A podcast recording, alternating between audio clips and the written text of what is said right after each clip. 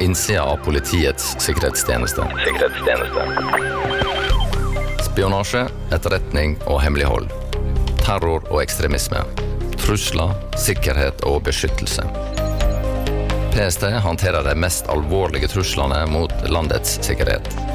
Vi skal ivareta demokratiet. Men hvordan jobber landets sikkerhets- og etterretningstjeneste? Og hvem er menneskene som jobber her? Vi inviterer deg nå med Pst på innsida. Velkommen til Pst på innsiden av PST. Jeg heter Martin Berntsen og jobber med kommunikasjon i PST. Denne uken legger vi frem den årlige nasjonale trusselvurderingen for 2021. Fremleggelsen av trusselvurdering er en stor dag for PST, og det er derfor ikke unaturlig at det er sjef PST, Hans Sverre Sjøvold, som sitter sammen med meg her i studio. Før vi går over til årets trusselvurdering, kan du ikke si litt om deg selv og veien til PST? Ja, det har vært en lang vei. jeg eh, er jo i utgangspunktet eh, politiutdannet. Fremdeles er det noen få på PST som jeg gikk sammen med på Politiskolen fra vårt eh, kull. Og har jobbet en del år i vanlig ordenstjeneste i politiet, og er av de som leste jus ved siden av jobb, og gikk da etter hvert over i påtalemyndigheten, så jeg har hatt mine år der. Alt dette skjedde jo i Tønsberg, Tønsberg politikammer. Så tidlig på nittitallet så søkte jeg meg jobb på Politihøgskolen. Jeg tror ikke jeg helt uh, var klar over hva jeg søkte på, men jeg endte nå i hvert fall opp på Politihøgskolen og var med å etablere politiutdanningen der. Og var uh, inspektør på Politihøgskolen i, i uh, fem år, og hadde et nært og godt samarbeid med daværende rektor Kari Larsen Kvakkestad. Og, så politiutdanning har jeg da jobbet med i til sammen ti år, for jeg har jo også kommet tilbake litt seinere i karrieren som rektor. Så jeg har eh, hatt mye glede av arbeidet med å utvikle politiutdanning, og ikke minst eh, studenter. Det syns jeg har vært spennende og givende. Eh, etter mine første fem år på Politihøgskolen så endte jeg opp som eh, avdelingsdirektør i Justisdepartementet, i politiavdelingen. Og da var det nok den første touchen jeg fikk med med PST og, og tjenesten den gangen. Og da er vi tilbake på midten, slutten av, av 90-tallet, og det var den gangen det var mye blåst rundt, rundt tjenesten. Vi hadde diverse store utredninger, eh, som, eh, som Lund-kommisjonen, Danielsen-utvalget, som gikk gjennom tjenesten, og den fikk mye kritikk. Og jeg husker godt vi jobbet med innsynsloven, vi fikk inn mange saker fra de som ville se mappa si. For det er klart det var mange som følte at de ikke skulle ha vært registrert i, i overvåkningstjenestens registre. Og denne innsynsloven, og det ble jo etablert et utvalg som håndterte eh, loven og de sakene som kom inn der, man kunne jo også få erstatning for de som var uberettiget registrert de, de, som forvaltet det systemet, synes jeg gjorde en god jobb, og jeg tror tjenesten kom styrket ut av det den gangen. Eh, det som eh, nok ble resultatet av, eh, av, denne runden som var på slutten av 90-tallet, var jo ganske stramme regler for, for overvåkningstjenestens arbeidsmuligheter, altså rettslige regler altså regler for hvem som kunne registreres i et register, og hvordan dette skulle håndteres. Og den gangen så var jo reglene tuftet på et analogt register, i dag har vi en digital verden, og det er nok en brytning som jeg kan si litt om etter hvert. Eh, men eh, tiden i Justisdepartementet syns jeg var kjempespennende, og det var den gangen eh, Politiavdelingen eh, hadde ansvar for all etatsledelsen i politiet, var før Politidirektoratet ble etablert. Etter det så ble jeg med å etablere Politidirektoratet, faktisk. Jeg var en kort periode eh, assisterende politidirektør, før jeg da endte opp som politimester i Vestfold, og var der noen år, og var med på Politireform 2000. Da eh, det ble mitt ansvar å slå sammen de fire politidistriktene i, i Vestfold. Så ble det ledig jobb etter hvert som rektor på Politihøgskolen, og da endte jeg der, og var der i fem år. Så var det en tur tilbake til Justisdepartementet, da som ekspedisjonssjef i Justisdepartementet og politiavdelingen. Da fikk jeg jo også mye eh, kontakt med, med PST, det lå jo under min avdeling. Så gikk veien til Oslo politidistrikt, hvor jeg da var i seks–syv år, før jeg nå er i tilbake da til, eh, til er i PST. Så det har vært en lang vei uh, før, uh, før, PST og dette åremålet jeg nå er i. Og jeg tror kanskje det har vært nyttig også. Det, PST er ikke en tjeneste som man liksom bare kommer inn uten særlig erfaring. Det er en ganske krevende, krevende sted å være. Ja, du har jo en imponerende CV, og jeg vil jo kanskje påstå at det trenger du også, kanskje. For det er jo Det er, det, det er jo mange spesielle hensyn å ta ja. i, i, en sikkerhetstjeneste og i PST, som du må kanskje ikke ha Kanskje ikke ha tenkt så mye på før du faktisk kom på innsiden. Nei, det, det er en, et godt poeng, fordi det er mange dilemmaer i en, en etterretnings- og sikkerhetstjeneste som man ikke tenker så mye over på utsida, eh, og som kommer veldig tett på eh, på innsiden. Jeg nevnte jo dette om det rettslige rammeverket som da ble etablert for tjenesten for si 20 år siden. Eh, det er jo der fremdeles, og nå er vi i en digital verden, mens vi hadde et rettslig rammeverk som var tufta på papirmapper, mappa mi, som jeg nevnte litt om. Og det er en, eh, er en stor og spennende utfordring å, å prøve å, å, sette nye rettslige rammer for, eh, for, PST i en moderne tid. Det går på lagring av data, det går på ja, mange dilemmaer som vi, som vi står i. For vi er jo en organisasjon som har store fullmakter til å gripe inn i folks hverdag, og så jeg har stor respekt for de rammene, men vi må ha et system som er tilpasset en digital verden.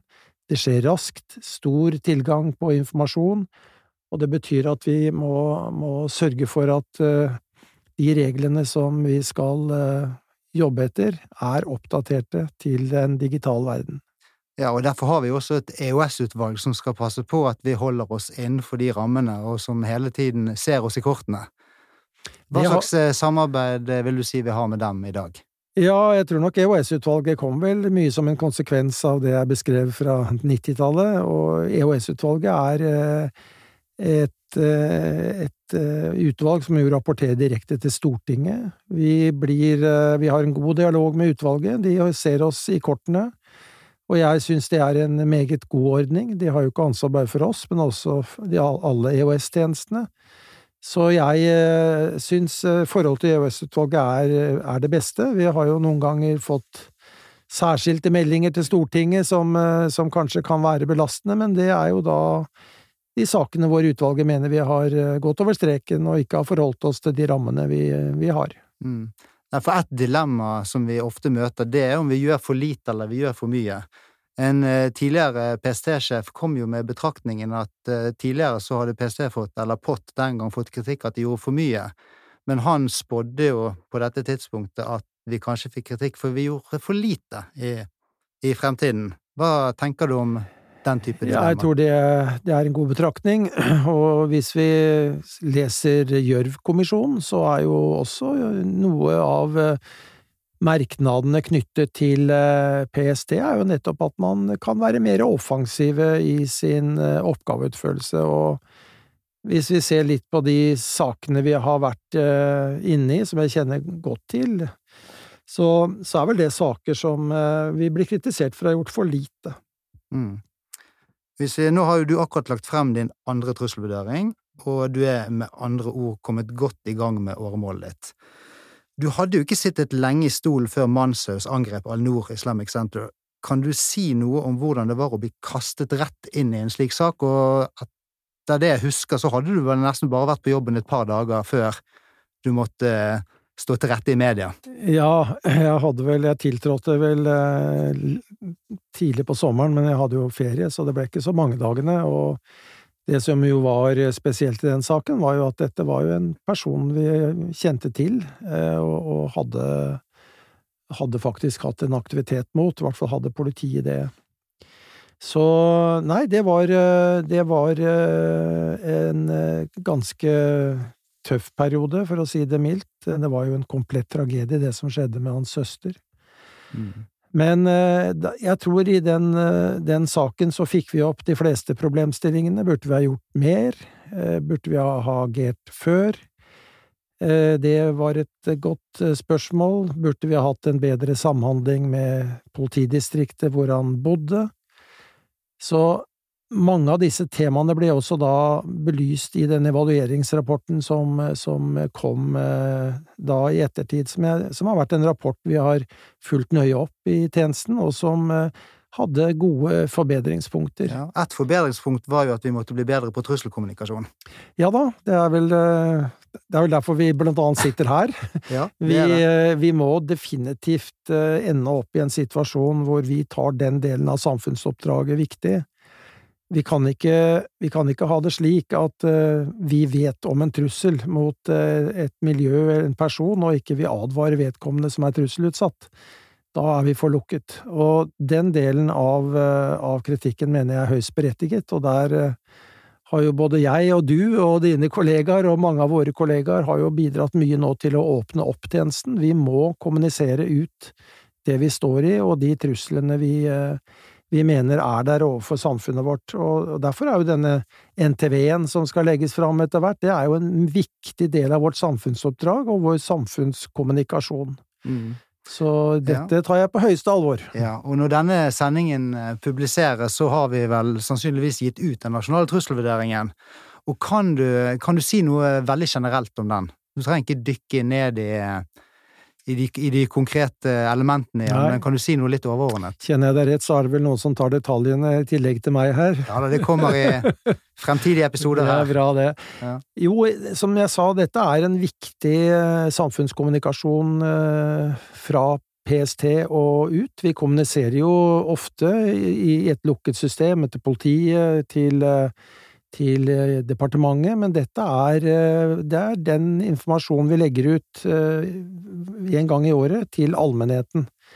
Da påpeker vi de ulike områdene i samfunnet som vi mener er utsatt for trusler, enten det kan være i terrorsporet, det kan være i etterretningssporet, og, og vi gir da en generell en generell bakgrunn for den situasjonen, og kommer med en advarsel til at uh, ulike virksomheter, personer, organisasjoner må være oppmerksomme på det vi sier. Men det store ansvaret for å operasjonalisere trusselvurderingen, det vi sier, det ligger jo på den enkelte.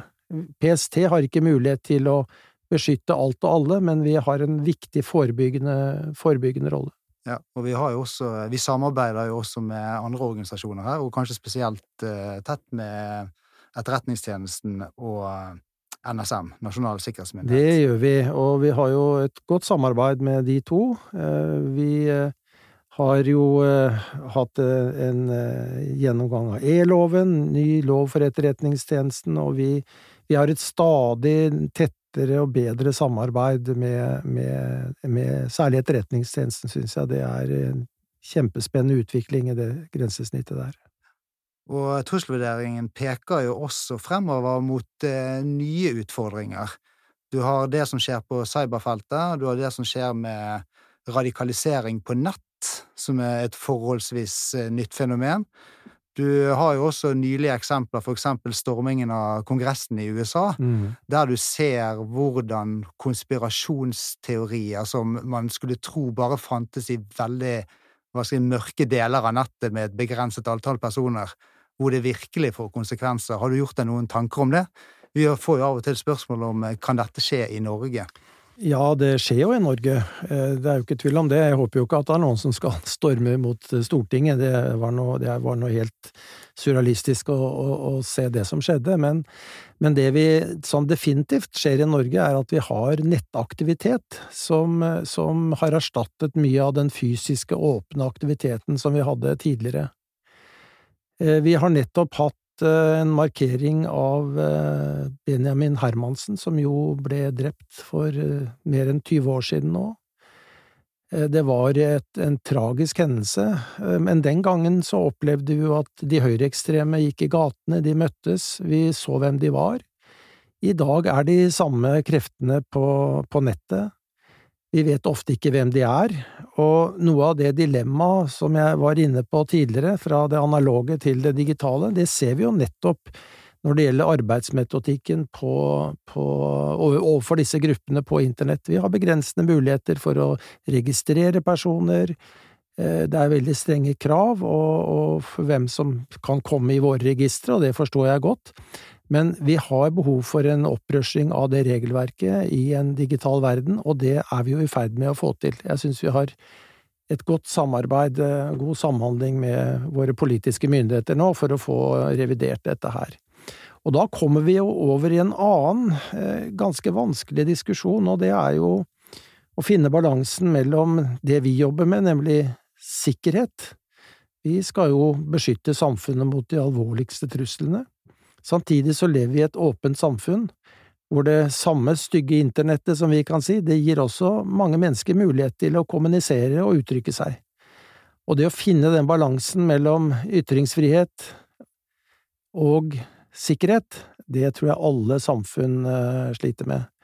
Det er i hvert fall en utfordring i alle samfunn, for uh, det vil være gode interesser som trekker i begge retninger, og midt i den debatten står jo da vår tjeneste. Hvor langt skal vi ha anledning til å gå inn i den private sfære for å trygge samfunnet vårt, og hvor mye skal vi akseptere av det frie ord og den frie ytring eh, på for eksempel internett? Dette er jo grunnleggende diskusjoner i, en, eh, i et demokrati. Ja, nei, det, det, peker jo helt klart på noe av det som også gjør det kanskje litt unikt å være ansvarlig for en sikkerhetstjeneste i 2021. Det er det ingen tvil om. Det er mange spennende, spennende problemstillinger, og vanskelige og av og til litt skumle problemstillinger å jobbe med. Det som jo ofte skjer også, er at det, det, begynner med det lille og kan bli stort i løpet av kort tid. Vi håndterer en sak, er, vi, er det i det ene sporet, er det kriminalitetssporet, er det terrorsporet, og så går det videre, og så er det blir det stort, stort omfang på, på, disse sakene. Stort eh, medietrykk og, og, mye, også politisk oppmerksomhet. Men det må vi leve med i vår tjeneste. Sånn er det bare. Mm. Hvis, du skal, eh, hvis, du skal, peke på noen av de, de største utfordringene i årene som kommer eh, det vi, har nevnt, vi har vært litt inne på teknologi, vi har vært litt inne på metoder. Eh, tidligere i denne podkasten så var det en som var og snakket om Det var Atle Tangen her, som var her i episode to, for de som er interessert i mm. cyber. Mm.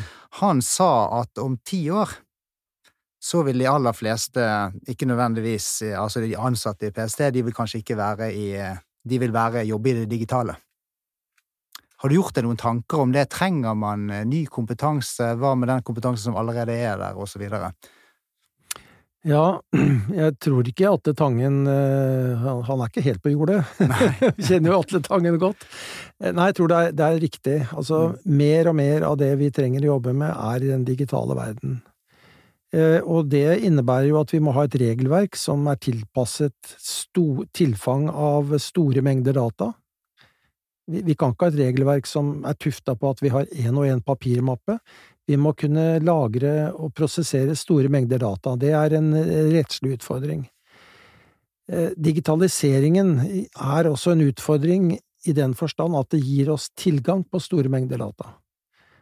Og når vi har tilgang på store mengder data, så er det, er det jo i og for seg også en, en utfordring at vi må evne å finne de dataene som er viktige og relevante, og de som ikke er det. Det tror jeg eh, over tid vil bli gjenstand for enda mer digitalisering, for det er så store mengder å gå gjennom at vi må kanskje utvikle systemer, og det finnes jo allerede i dag, men som da kan bidra til å sile informasjon som er relevant og som ikke er relevant. Og det er klart, dette vil jo også generere behov for ny kompetanse. Og så er det, da har vi alle de, alle de vanlige dilemmaene i en organisasjon. Skal man hente inn ny kompetanse? Skal vi skal vi sørge for at vi kan gi ny kompetanse til de som er i systemet allerede, slik at de kan utføre nye oppgaver. Her er det mange utfordringer i en sånn ordinær organisasjonsutviklingsprosess. Så det kommer vi til å stå i framover hele tiden nå. Men eh, jeg tenker på en tidligere Benedicte Bjørnland. Når hun var sjef her, så sa hun at eh, PST kan ikke gjøre jobben alene. Her må alle bidra. Ja. Eh, Og da snakket, tenkte hun vel spesielt på dette med radikalisering. Mm. Og vi står jo strengt tatt oppi det samme nå. Og dette med kanskje bevisstheten i befolkningen og blant eh, organisasjoner, enten det er etterretning eller terror. Ja da. Har du noen saker som du brenner spesielt for? Altså, hvis, hvis vi ser det store bildet, så, så mener jeg det rettslige rammeverket er, er det aller viktigste. Det kan ikke være noe tvil om. Jeg ser for eksempel nå i noen av våre naboland så har jo, har jo nettopp det å omorganisere tjenesten og fått nytt rettslig rammeverk på plass, det, det har vært viktig. Og, og jeg tror det, det, det må vi fortsette med, det kommer vi ikke utenom. Det er, en, det er en helt grunnleggende forutsetning for å kunne drive på en god måte. Så må vi finne balansen mellom rettssikkerhet og behovet for sikkerhet. Det er en dynamisk diskusjon. Eh, og særlig i forbindelse med å prosessere store mengder data. Vi kan jo glippe. Vi, vi, vi som tjeneste gjør jo feil. Vi, vi har jo Du nevnte jo dette med EOS-utvalget. Det er klart vi gjør også, også feil. Det tror jeg er, er helt eh, helt ja, nødvendig å erkjenne det. Det er fort gjort å gjøre feil, for vi forvalter store mengder data. Eh, men når det gjelder forholdet til publikum og befolkningen, og du nevner dette med radikalisering, så er jo i, og for seg det også et sånn litt tveget sverd, fordi at det å være radikal eller radikalisert er jo ikke noe det, det er jo i for seg greit nok, det. Det er jo De vi er interessert i, er jo de som blir så radikalisert at de blir ekstreme og er villige til å bruke vold for å fremme sine synspunkter og, og, og skape frykt i et samfunn. Altså, de, den balansen er jo vanskelig. Men vi som tjeneste må jo legge til rette for at det er enkelt å melde fra, enkelt å tipse oss. Og jeg mener jo kanskje at denne Manshaus-saken er et eksempel på at eh, det kunne også kommet flere informasjoner om at han, han var i en, i en klart eh, krevende periode når det gjaldt radikalisering, og i noen sammenhenger så går det ganske fort, og da må vi få vite om det. For det er en myte at vi har oversikt over alt som skjer i dette samfunnet. Vi er avhengig av interaksjon med publikum. Så jeg er helt enig med Benedicte, jeg. Så det. Mm. Nei, men eh, hvis man skal prøve å oppsummere det du har sagt her i dag, så har du snakket om at eh, trusselkommunikasjon er viktig, nettopp for at man skal ha en forståelse av hva som de, det al mest alvorlige som truer riket, Norge.